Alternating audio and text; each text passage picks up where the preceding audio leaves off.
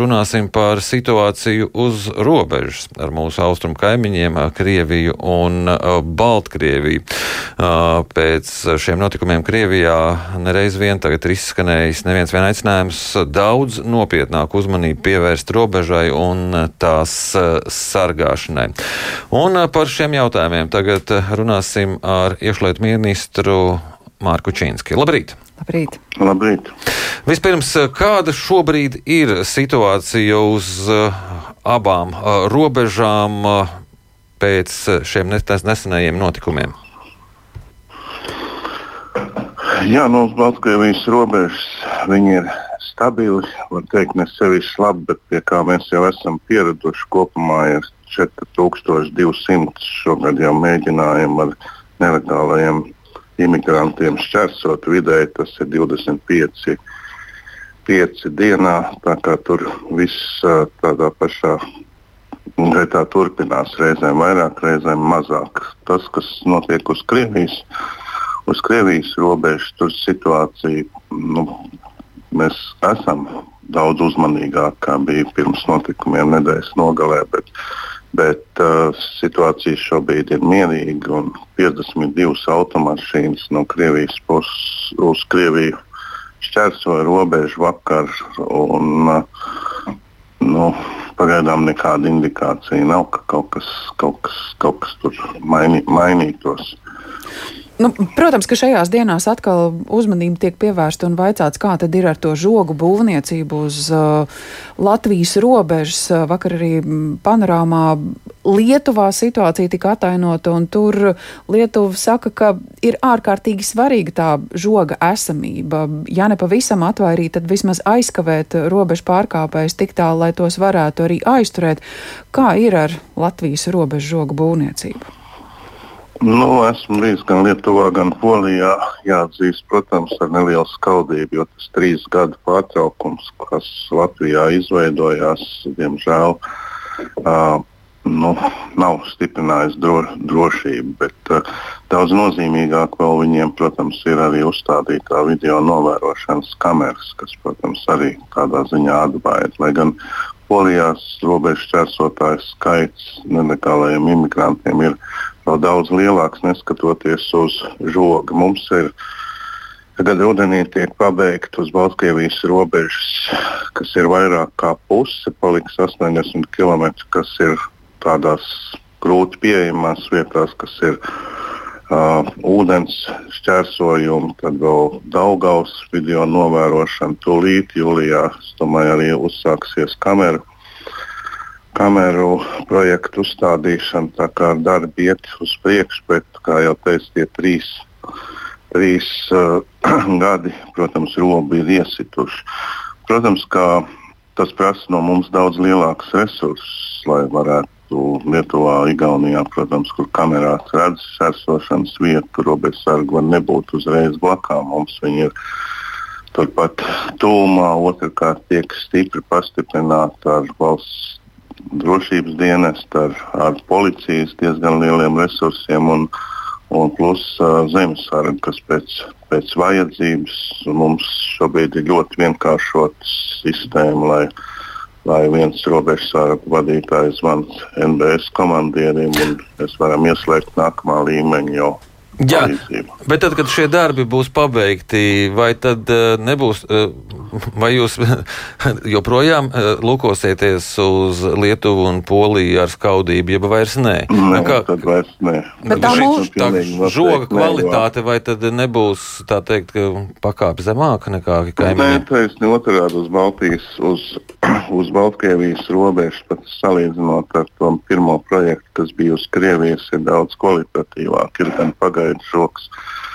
Zelendrāšu pirmam gan, gan uh, pietiekoši pieklājīgs lielais žoks, jo arī Polija, kur ir 5 metru augstumā, tas neattur šos imigrantus. Ja cilvēki ir samaksājuši naudu, tad viņiem ir pavadoņi, kas ar domkratu ar žogu, žogu izplēš, kas ar kāpnītēm pārkāp pāri vai izrokas cauri kā tuneļa veidā. Arī mums ir kā truši būdiņā. Ir izgriezt caurumu bijuši. Tā kā visā situ, visur situācija ir vieglāka. Bet uh, viena nianses noteikti ir. Mums ir vairāk, vairāk arī mēs vairāk tomēr mm, nu, paņemam uz, saviem, uz, uz savām patvērsmēm, ņemot vērā, ka šeit tomēr man šķiet lielāks ir sieviešu un bērnu, bērnu daudzums, kas arī nāk, ņemot vērā, ka tas šķērslis ir mazāks. Tā ir vienīgā atšķirība. Pretējā par pārē, pārējo tas ir ļoti nepatīkams un nu, darbs, kas mums ir jādara, jo tas ir hibrīda karš, ar to rēķināmies. Jā, nu, žoks uz, Balt, uz robežas ar Baltkrieviju ir viena lieta, bet tagad ir aicinājumi, ka būtu nepieciešama šāda pati vai pat nopietnāka infrastruktūra uz robežas ar Krieviju. Kā jūs to lūkojaties? Uz Krievijas, uz Krievijas robežas ir, bet tur atkal nu, kaut kāda daļa nav pieņemta eksploatācijā, ņemot vērā to, ka tas darbs tika pirms tam nu, jau četriem gadiem apstādinājies, bet, bet uh, uz Krievijas viņi ir. Nu, var runāt, ka viņš varbūt varētu būt lielāks, skaistāks, bet nu, kā, kā tāds ir. Un Krievijā viena daļa ir arī aprīkota šīs robežas ar video novērošanu, kas gan darbs, es domāju, būtu jāturpina tīri kameru uzstādīšana un, un pārredzamība. Tāpēc, kamēr šobrīd viņi ir uh, tukši un mierīgi, tad Tas var būt tikai laika jautājums, tāpēc neapšaubām arī Krievija būs, būs jāpilnveido Krievijas robežu.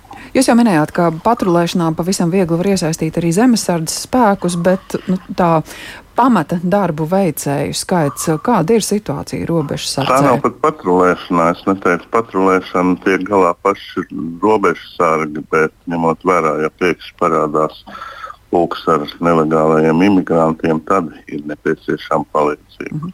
Bet robežsardzē vakanču nav, viss uh, ir aizpildīts. Robežsardzē ir vairāk kā 30 vakants, un, protams, tas arī nākotnē visvairāk uz, uz, uztrauc. Mēs ļoti, protams, kas ir nepieciešams un obligātais dienests, un, protams, uh, atalgojumi NBS, ir daudz lielāki nekā Mums zināms, ka jaunieši paliek aizvien mazāk, tāpēc ir tāda zināma sacensība, kurš labāk kaut ko var piedāvāt. Un, un, protams, ka tas būs nākotnē izjūtams. Iekšējā drošība nedrīkst atstāt kaut kādā novārtā vai kā jaunāko brāli pret kopējo visu valsts drošību.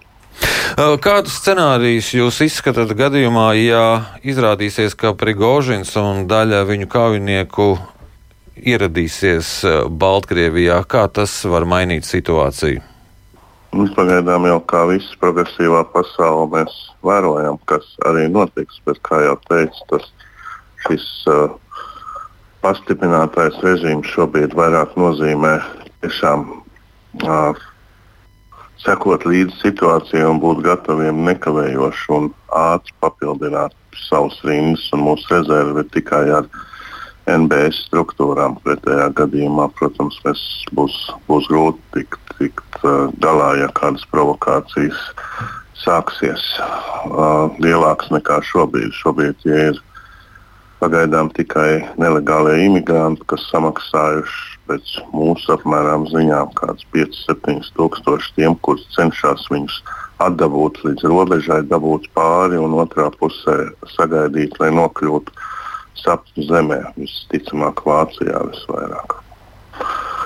Bet nu, tie tik un tā tad tālāk ir Latvijā esoši cilvēki, kas uh, palīdz nelegālajiem imigrantiem, tajā brīdī varbūt jau status ieguvušajiem, turpināt ceļu, ko arī lietuvieši saka, viņi ir novērojuši šādas tendences no Latvijas. Jā, jā, protams, mums arī ir, protams, arī, arī robežsargi neslēp to, kā tika apstādināta automašīna, kurš šķiet pat 12 cilvēki bija iekāpuši iekšā ar Vācijas, ar Vācijas numuru, numuru zīmi. Tā kā, kā tādi mūsu organizatori man šķiet, procesā ir tikai viens, kas Latvijā ir tīri palīdzējis. Bet uh, 30 mašīnas, tā skaitā arī Latvijas numuru, tādi ir bijuši. Tieši šobrīd gaida tiesmu. Skatīsim pēc rezultātiem. Un, Protams, mēs pateicamies arī pierobežas iedzīvotājiem, kas pievērš uzmanību. Sākumā šīs mašīnas brauc ļoti tuvu pie robežas, tagad viņas jau ir mazliet tālāk, tālāk stāv un gaida. Tādi, protams, šī ķēde ir organizēta. Mhm. Jā, liels paldies par šo sarunu. Mēs sazinājāmies ar iekšlietu, Māri, iekšlietu ministru Māri Kučinski.